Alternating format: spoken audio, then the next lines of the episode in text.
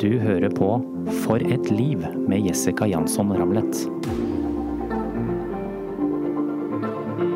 En podkast fra Moss Avis.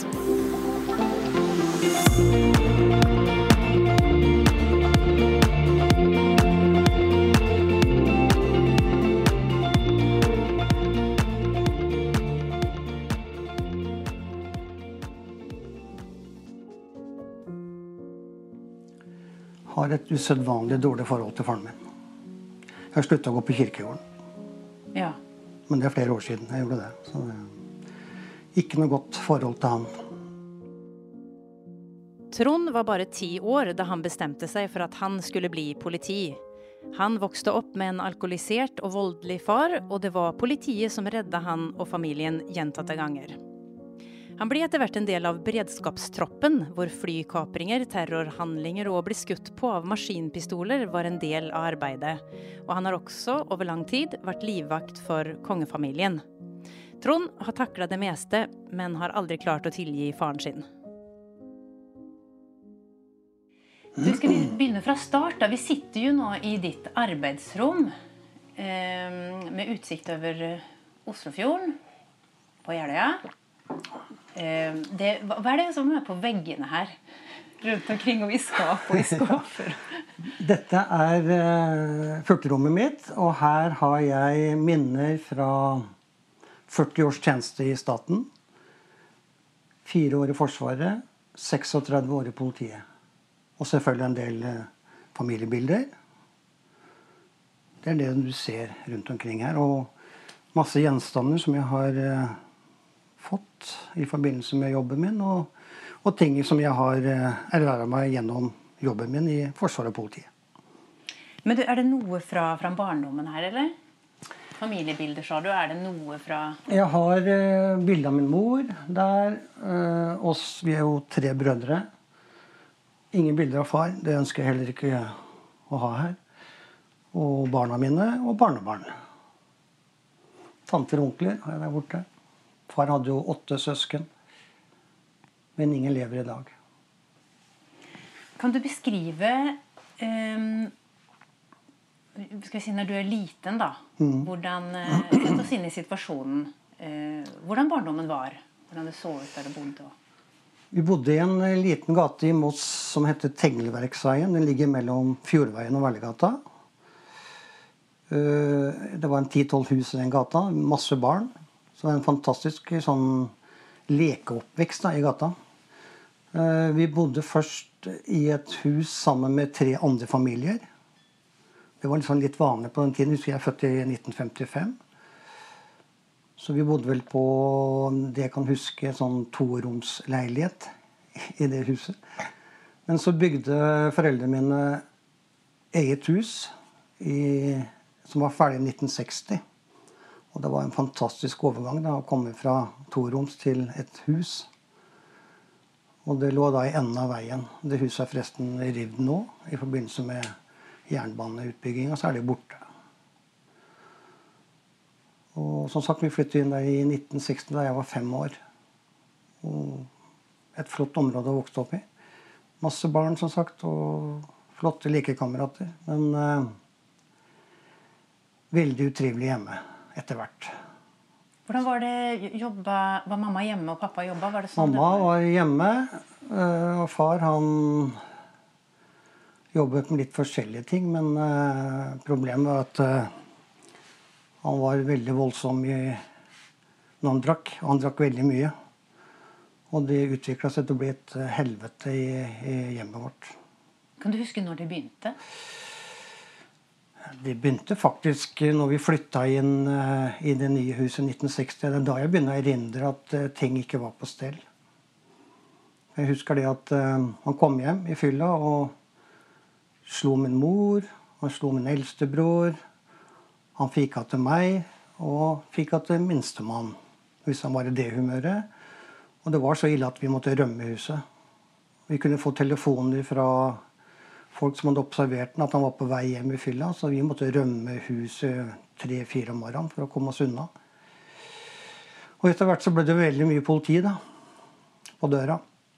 Som pågrep vår far og fikk det inn i fyllearresten. Han lovte bot og bedring hver gang, men det, det holdt han selvfølgelig ikke. Så det, jeg har hatt en veldig utrivelig barndom på akkurat det feltet der, med en far som var som ikke var far for oss. Han var stort sett slem. Hva mm, Kan du beskrive en mm, Hvordan det kunne være en episode, da? Ja, En ting som har brent seg veldig fast, da, da var jeg ti år. Og det var julaften. Da hadde han vært borte i 14 dager eh, sammen med en kamerat eller to og drakk og var borte. Vi så han ikke, hørte ikke noe fra han. På en måte så var det en lettelse at han var borte, men samtidig så er det jo en far da, som du gjerne vil ha hjemme hos deg. Og, og jula er jo litt spesielt. Og da husker jeg gikk ned på det vi, eh, det vi kalte ferjekroa, som fortsatt eksisterer nede ved Bastøferja. Og satt der for meg sjøl som en tiåring sånn på ettermiddagen på julaften og lurte på hva som skjedde her i livet. Så gikk jeg hjem, og da traff jeg min far som kom ut av en taxi. Og da var han i halvfylla.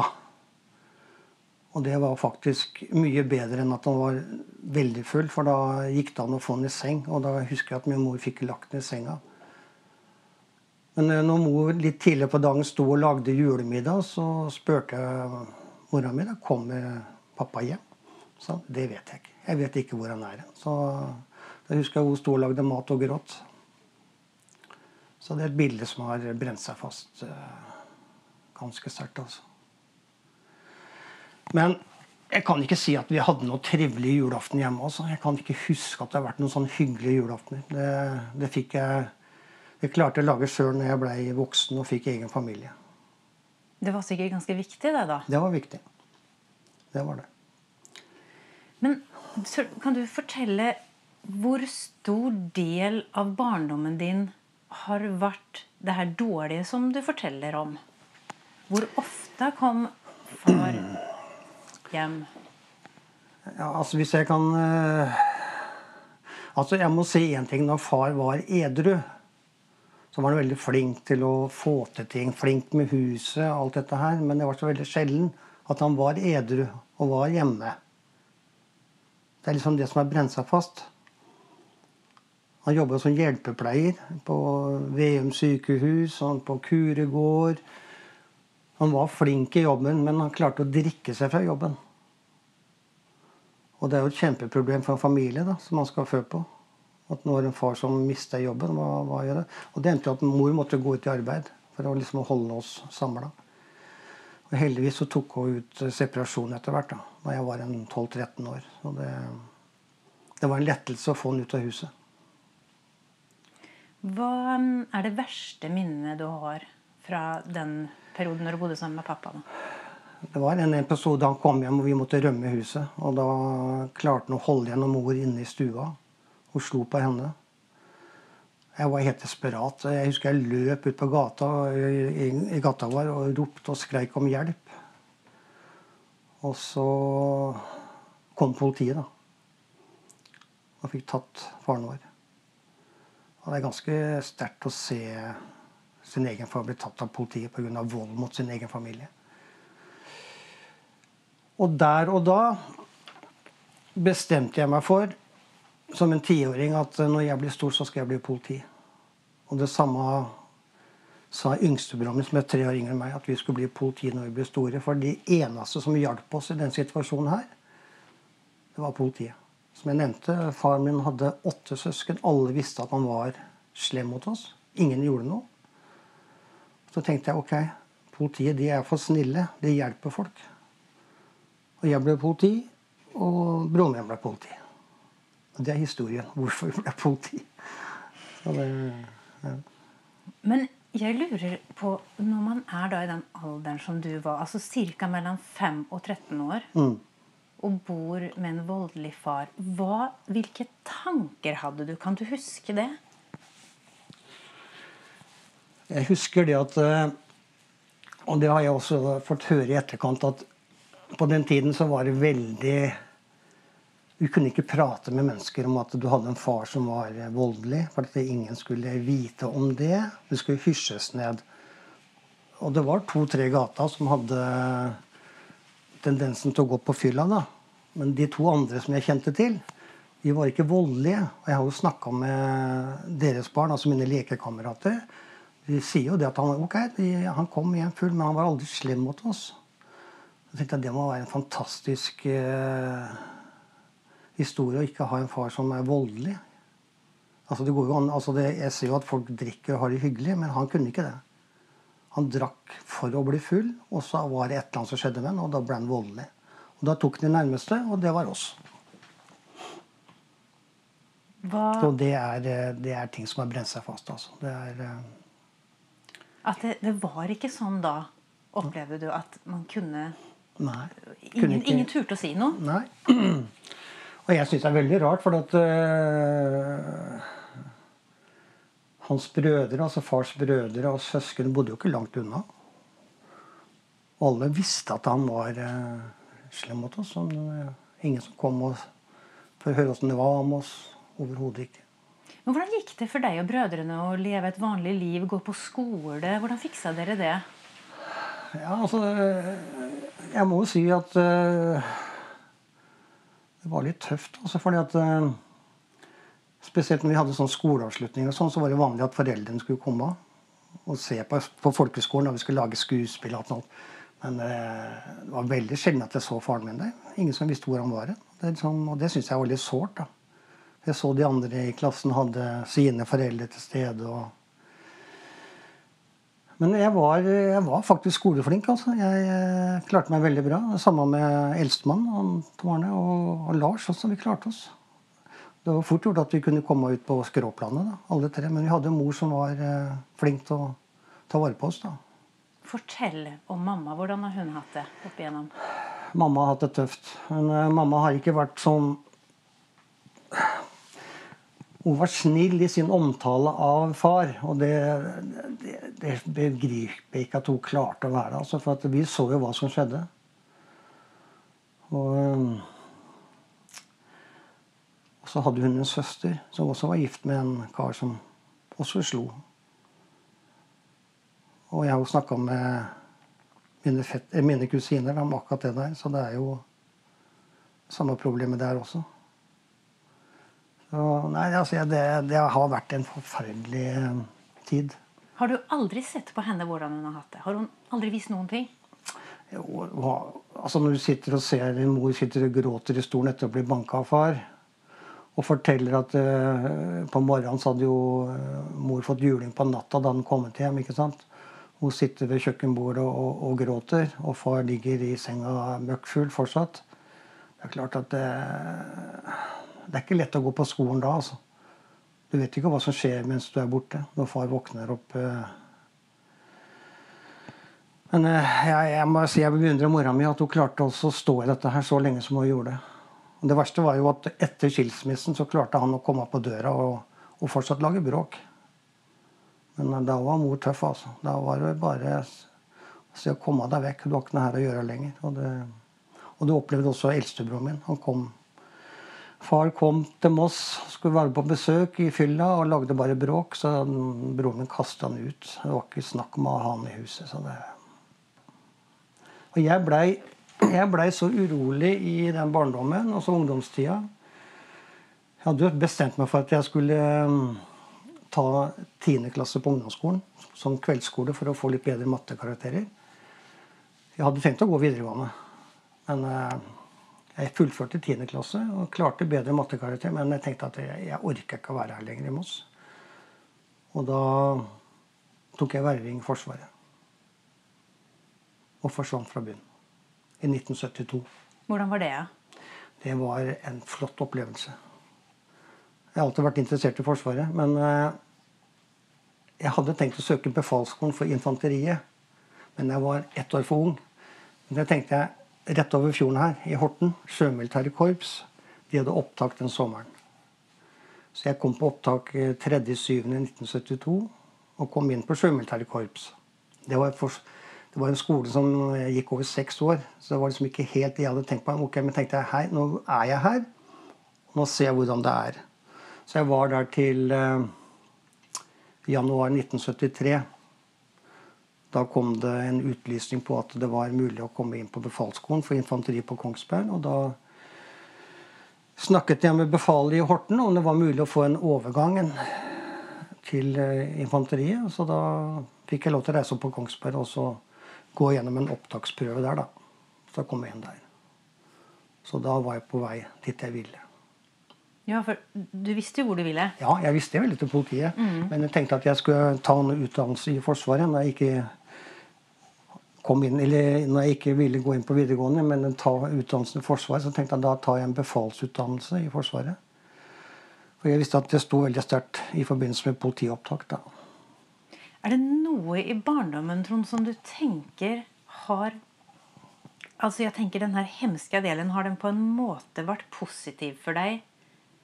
Og gjort at du har kommet dit du er nå? Og alt du har gjort gjennom livet? Jeg ble veldig fort voksen. Når jeg begynte på befalsskolen på Kongsberg i januar 73, så var jeg 17 år. Jeg fylte 18 år i januar 1973. Og når du da går ett år på befalsskolen og kommer til Nord-Norge som sersjant før du har fylt 19 år, da har du blitt voksen. Hva foregikk parallelt hjemme her, da? Eh, Ja, da hadde jo Eldstebroren min hadde jo i mellomtida gifta seg og flyttet til, eh, til Jeløya. Yngstebroren min han hadde da begynt på den eh, veien som jeg hadde gått gjennom. Han eh, søkte seg ut i Forsvaret. Tok befalsskole og var i Forsvaret faktisk i syv år før han søkte seg over til politiet. Så han var eh, i hæla på meg. Og mor hadde solgt huset. Djevelens hus, som jeg kaller det. Vekk fra det der. Og kjøpte seg en flott leilighet oppe på Jærbauget, hvor hun bodde. Og så etter hvert så flyttet hun til eh, Jeløya. I blokkene der ute. Så det funker det veldig bra. Og far, da? Han var, eh, han var jo borte, egentlig fra livet mitt, men jeg, jeg fikk jo via via eh, greie på at han uh, surra litt rundt nede i Halden-området. Han hadde begynt på et sånn eh, behandlingshjem nede på Østerbo, tror jeg det het. Eh, Og, og så fikk jeg plutselig, i 1976, så fikk vi brødrene innbydelse til hans 50-årsdag. tenkte jeg ok, det var jo på en måte litt greit, da, med hvordan han har det i dag. Og det selskapet skulle han ha hos en av brødrene sine her på, på Jeløya. Jeg hadde tatt meg fri fra jobben som politimann. Eh, Lars, yngstemann, han hadde fått permisjon fra Forsvaret. Og Tom Arne han eh, mente jeg hadde tatt seg fri fra sin jobb. Og to timer før vi skulle dra i selskapet, så fikk vi en telefon fra onkel og sa at eh, det blir ikke noe 50-årslag, for han far han er møkk full og er ikke til stede. Det var det 50-årslaget. Så hvordan var det å begynne som politimann, da? For der, Hvor mange år snakker vi om her nå? I politiet? Ja, i politiet. I Det en eller annen form. Det ble 36 år. 36 år. Ja. Var det som du tenkte deg? Ja, det var det. Men eh, jeg husker min mor sa det Hun var ikke så veldig begeistra for at jeg skulle bli politi. Hun så nok litt på det på en annen måte enn det jeg gjorde. Eh, hun hadde jo sett politiet komme og arresterte hennes mann. Men jeg så på de som eh, egentlig reddende engler for familien. Men hun sa det, Trond, lå meg én ting. At du ikke blir politi i din egen by. Så tenkte jeg, aha. Nei, for du skal også ha et liv ved siden av. Du, kan gå ut og, du skal gjerne gå ut og spise middag ha det hyggelig ute, men da kan du vite at alle vil følge med, for alle vet at du er politi, for byen er ikke større. Men jobber du i Oslo Du kan gjerne jobbe i Oslo og bo i Moss, men eh, Oslo er så stort at eh, Ja. Så jeg bestemte meg for at jeg skulle fortsette eh, min karriere i Oslo hele tida. Hadde ikke tenkt å søke Moss i hele tatt. Men det var veldig interessant, for jeg begynte som aspirant på Grønland politistasjon i 1976. Eh, En bydel som var preget av mye fyll, altså beruset personer. Og det var de krigsseilerne våre som ikke klarte å tilpasse seg livet etter krigen.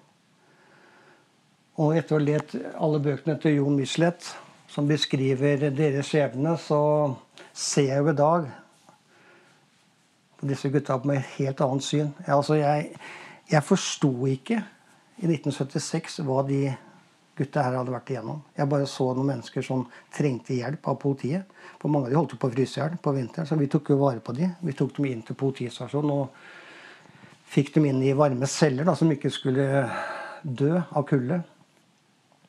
Men det var masse skjebner, altså. Det... Men det som var litt spesielt, når du kjører ordenspatrulje i Oslo, så kommer du også på disse husbråksituasjonene som jeg opplevde sjøl som barn. Og når du går inn døra og ser en voldsom far som har banka sin kone og banka barna sine, da skrudde jeg klokka til tilbake. Da var det jeg som satt i sofaen der. Nå er jeg tilbake i barndommen. Og det hendte jo at eh, disse her eh, fedrene ikke ga seg da vi kom, så vi måtte jo vaske og slåss med dem. Få lagt i håndjern og kjørt i fyllearresten. Det var et veldig grovt voldstilfelle hvor han ene hadde knekt både kravebein og kjeven på kona si. Og jeg måtte møte i retten. Og han eh, fikk Jeg mener husk at han fikk 35 eh, dager ubetinga fengsel.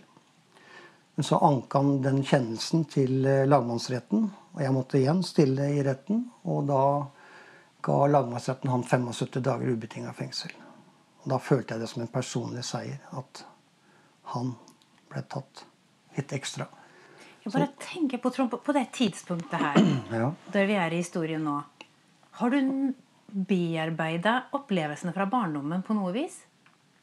Mer enn å gå til ditt eget hode og tenkt? Da må vi faktisk gå litt uh, lenger fram i, i, tid. fordi at uh, Jeg vet ikke om vi skal gjøre det, men da må jeg gå helt fram til 2009 da måtte jeg ta tak i alt dette her, for det ble litt for mye opplevelser fra barndommen, pluss mye av det som jeg opplevde i politiet. Da fikk jeg det alt tilbake. Pluss at det ble skilt på den tida, og min mor gikk bort. Da ble det litt for mye for meg. Så da måtte jeg søke hjelp. Så helt fra barndommen til 2009 så hadde du egentlig ikke behandla det på noe vis mer enn som sagt i eget hode? da? Nei, det hadde jeg ikke. Men... Uh, det som skjedde i 2009, var at jeg eh, ble sittende litt for mye aleine etter skilsmissen. Eh, jeg må jo si at jeg har alltid vært flink til å trene. Jeg har trent siden 1972. Jeg har eh, Jeg holder på fortsatt med det. Så når jeg tok meg et glass kanskje for mye i helgene, så løp jeg alt dette av meg. Hadde ikke noe problem med det aldri møtt selvfølgelig berusa i tjenesten. Det hadde jo ikke gått i hele tatt. Men uh, det blir litt for mye. Og så tenkte jeg at dette her må jeg gjøre noe med, så jeg tok en telefon til HMS-kontoret eh, på politihuset i Oslo. Sa jeg som det var, at jeg må snakke med en eller annen. For jeg har for mye tanker oppi hodet. Jeg gjør for mye rare ting på fritida. Og da gikk jeg, gikk jeg til psykolog. Kan du beskrive Trond, hva, hva foregikk i hodet ditt da, når du kjente at nå er det altså, jeg fikk, jeg fikk, eh, hvis du kan kalle det flash, da, på ting som skjedde mens jeg var i barndommen. Jeg, jeg, sier til meg sjøl jeg så min far på soverommet. Jeg husker jeg sa må du bare si og dra til helvete. Og Han var jo død for lengst. Det var jo ikke det, men jeg tenkte hvorfor er du her nå? Og så kom episoder fra min tid på Bressatroppen. Jeg hadde jo en som gikk på meg med kniv. Men uh, uheldigvis for han da, så var jeg karatemester i Oslo-politiet det året, 1981. Så jeg ga han en opplevelse som han sikkert aldri har glemt. Jeg sparka han tvers igjennom inngangsdøra og fikk lagt den i håndjern. Men jeg hadde jo merke i, i uniformen etter kniven hans, da. så det var nære på. Og så hadde vi jo uh, Hadeland-saken, for de som husker den, 1982. Nazister som hadde begått et våpeninnbrudd. Og under pågripelse skyter de på oss med maskinpistol, og kulene fyker i asfalten siden av politibilen. Det var nære på. Så hadde jeg pågripelse av en narkoman med avsagd hagle. Det kunne gått gærent. Og så var det en med rifle. Så jeg har liksom vært sånn nære på. da. Og mye av det fikk jeg tilbake. I, I hvilken form?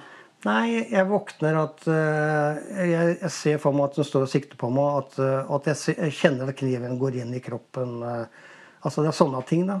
Altså, det, jeg skvatt jo opp av senga og tenkte i himmelens navn, hvorfor kommer dette tilbake nå? Og ja. Dødsfall til min mor. Så det var liksom mye på en gang. Hva tenker du om at du gjorde det samme som egentlig faren din, da. Ja. Men stoppa det i tide. Ja, det, det, tenkte jeg. Det burde han også ha gjort.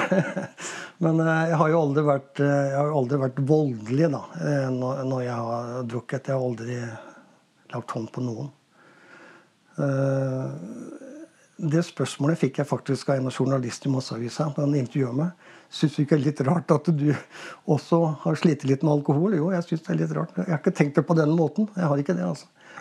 Eh, men når jeg gikk til den psykologen i et halvt år, så, så ifølge psykologen så sa han at du prater jo som en foss.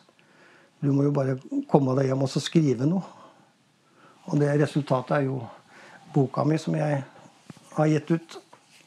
'Livets skole og noen til'. Som jeg trykket opp da privat. 500 stykk. Og har ja, jeg har solgt 480 bøker til uh, tidligere kolleger og litt familie og, og, kjente. Og fått veldig mye gode tilbakemeldinger. Og det var en lettelse å få, for det er livet mitt i den boka. Alt det vi sitter og prater om nå, det står jo skrevet i boka. Selvfølgelig litt mer detaljert, da. Så hva gjorde det med deg, da? Hele den prosessen? Det, det gjorde at jeg kunne puste litt. Jeg, jeg kunne sove bedre.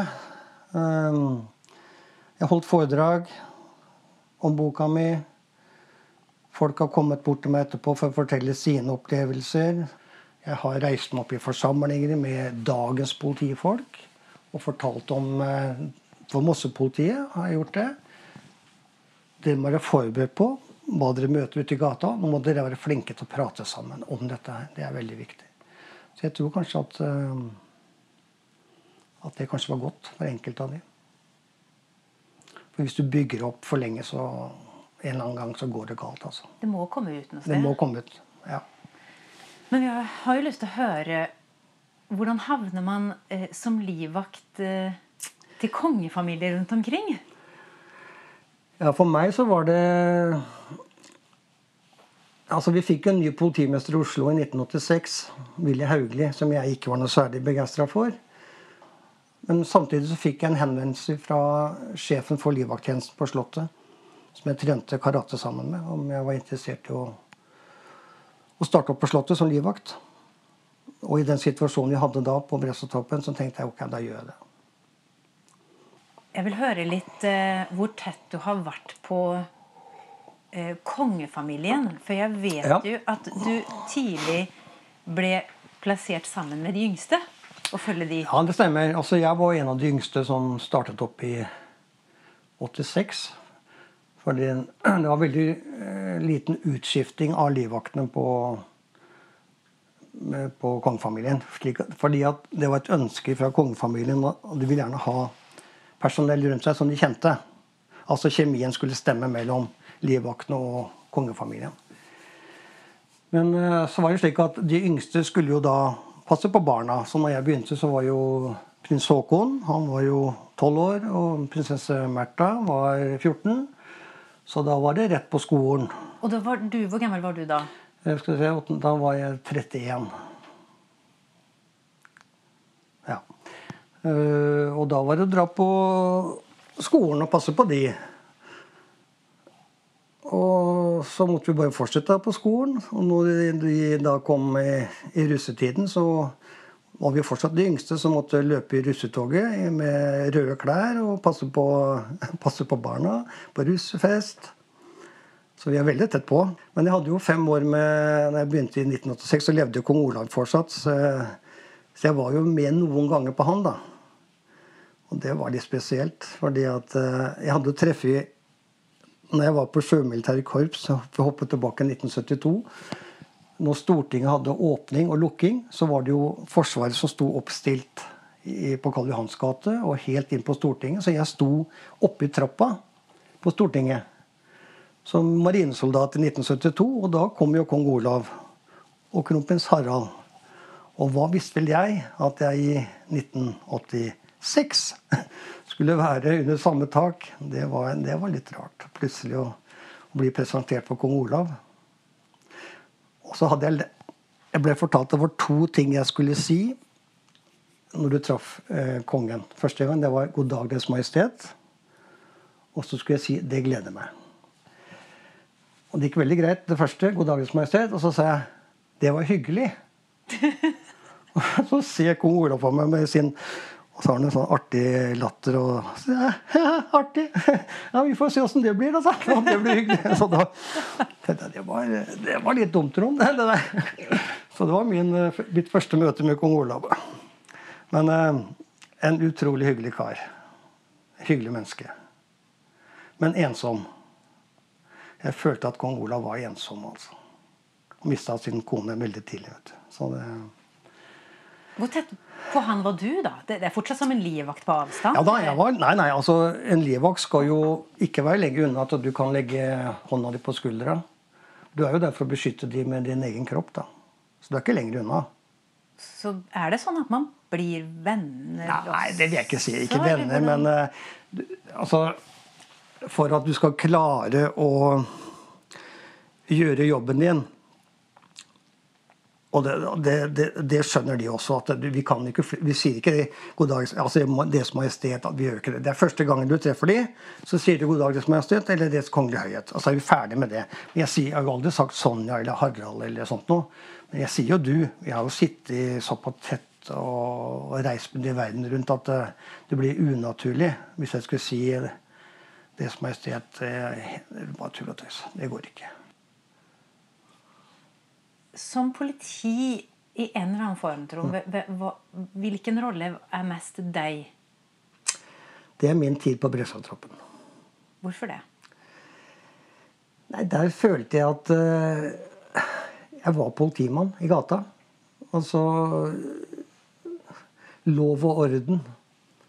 Det liksom, uh, setter jeg veldig høyt. Og da jeg følte at uh, når vi ble satt til å gjøre oppdrag som gikk nettopp på det, så følte jeg at da gjorde jeg de riktige tinga. Det, liksom, at det har vært veldig hyggelige år med kongefamilien. Jeg var jo der 26 år, pluss at jeg var ansatt som sjåfør i fire år etter at jeg slutta. Mm. Jeg fikk forespørsel om jeg var interessert i å fortsette som sjåfør for kongefamilien. Og det gjorde jeg. Men uh, hvis du spør meg konkret nå, så er det de syv åra på Brøstadtroppen som er de beste årene mine i politiet. Men du, nå, nå er du pensjonist. Ja.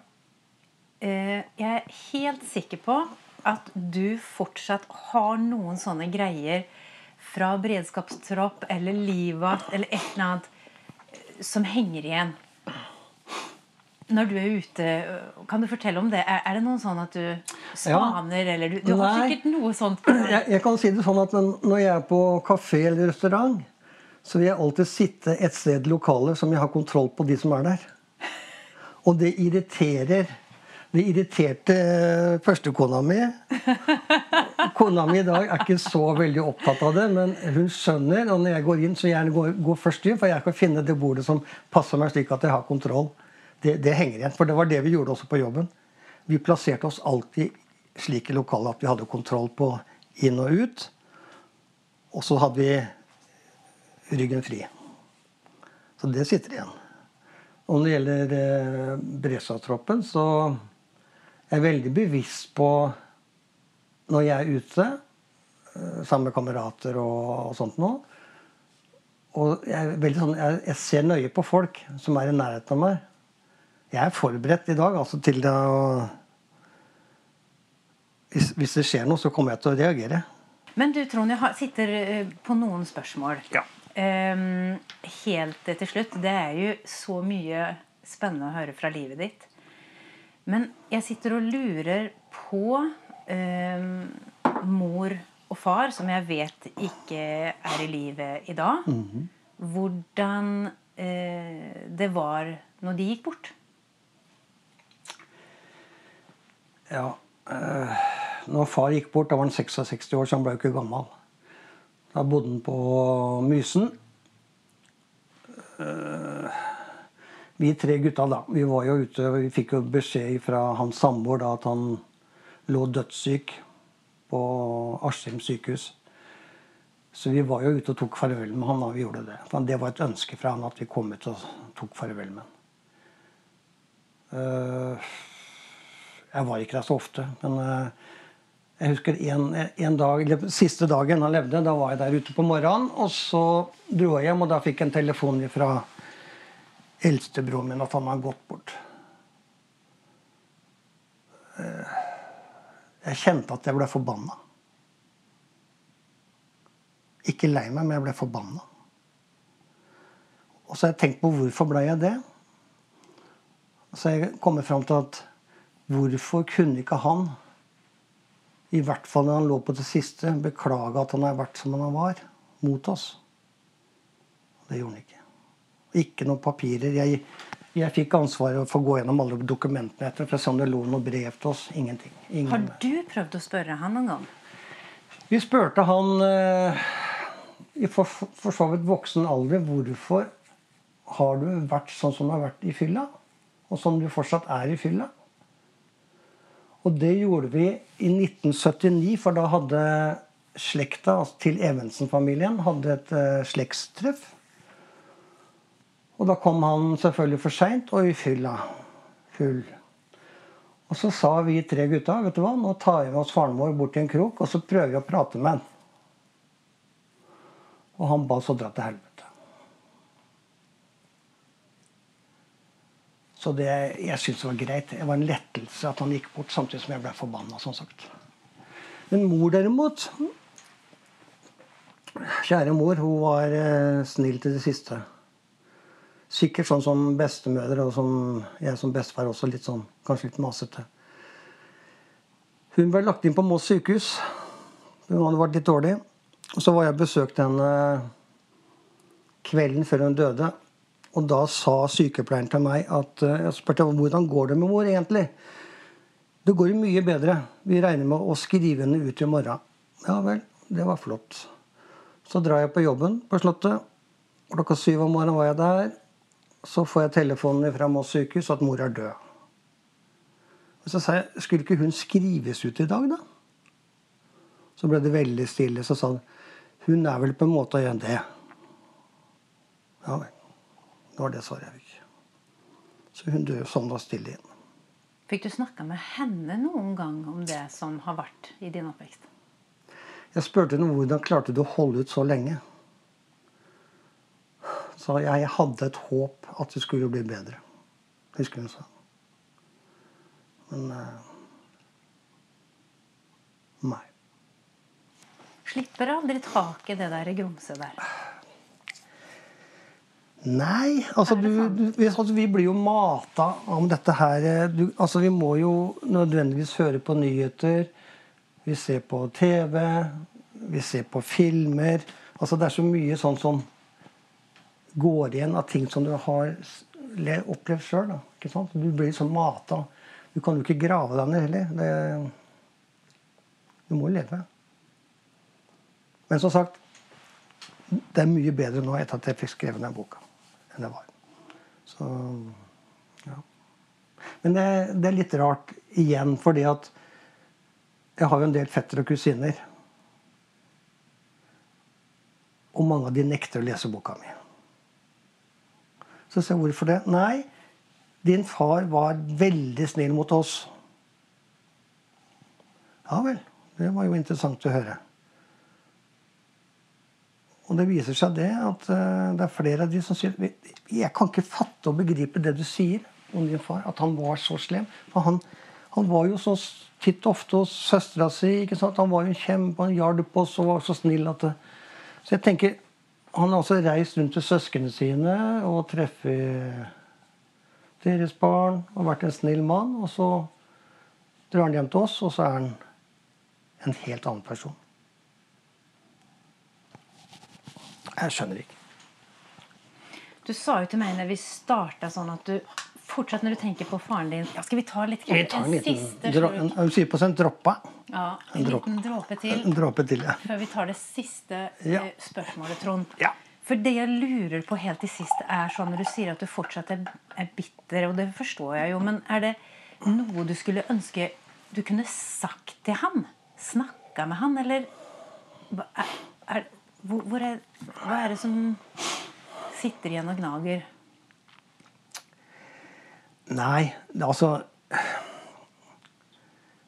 Han er ute av livet mitt nå. Grava eh, Han ligger sammen med sin søster. Den blir sanert nå i 2025. Vi er ikke interessert, Ingen av oss som går på den grava lenger og legger blomster. Vi gjør ikke det. Vi har ikke gjort det på flere år. Så Nei, vet du hva? Jeg kjenner på meg at jeg har ikke noe lyst til å ha noe med han å gjøre lenger. Jeg, eh, jeg har nulla han ut.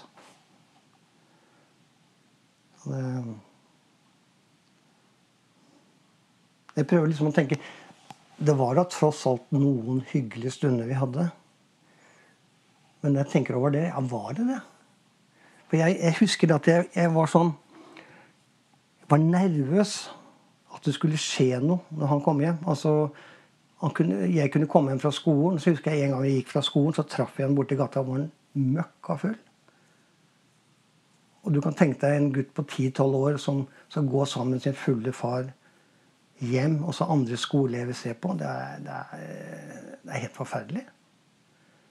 Og så var jeg livredd at når, han, når jeg kom hjem, slags, hvis han var hjemme, da, hva slags eh, humør og hva slags form er han i nå? Vi hadde den derre redselen. Jeg hørte lyder på natta og tenkte hva pokker er dette for noe? Hva, hva, hva er det for noe? Så Nei. Ikke bra. Tusen takk, Trond, for at du delte historien din. Ja, jeg holdt på å si det var hyggelig, men jeg får håpe at det var litt interessant. Det, i hvert fall. Så det, det er godt å prate om det. Det er det.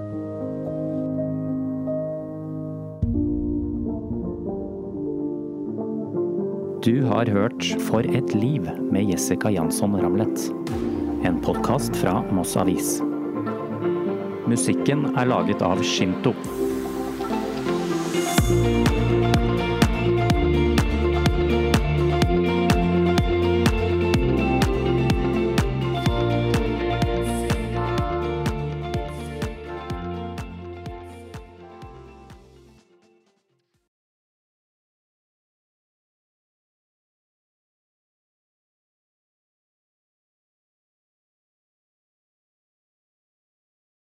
Har du et enkeltpersonforetak eller en liten bedrift? Da er du sikkert lei av å høre meg snakke om hvor enkelt det er med kvitteringer og bilag i fiken, så vi eh, gir oss her, vi. Fordi vi liker enkelt. Fiken superenkelt regnskap.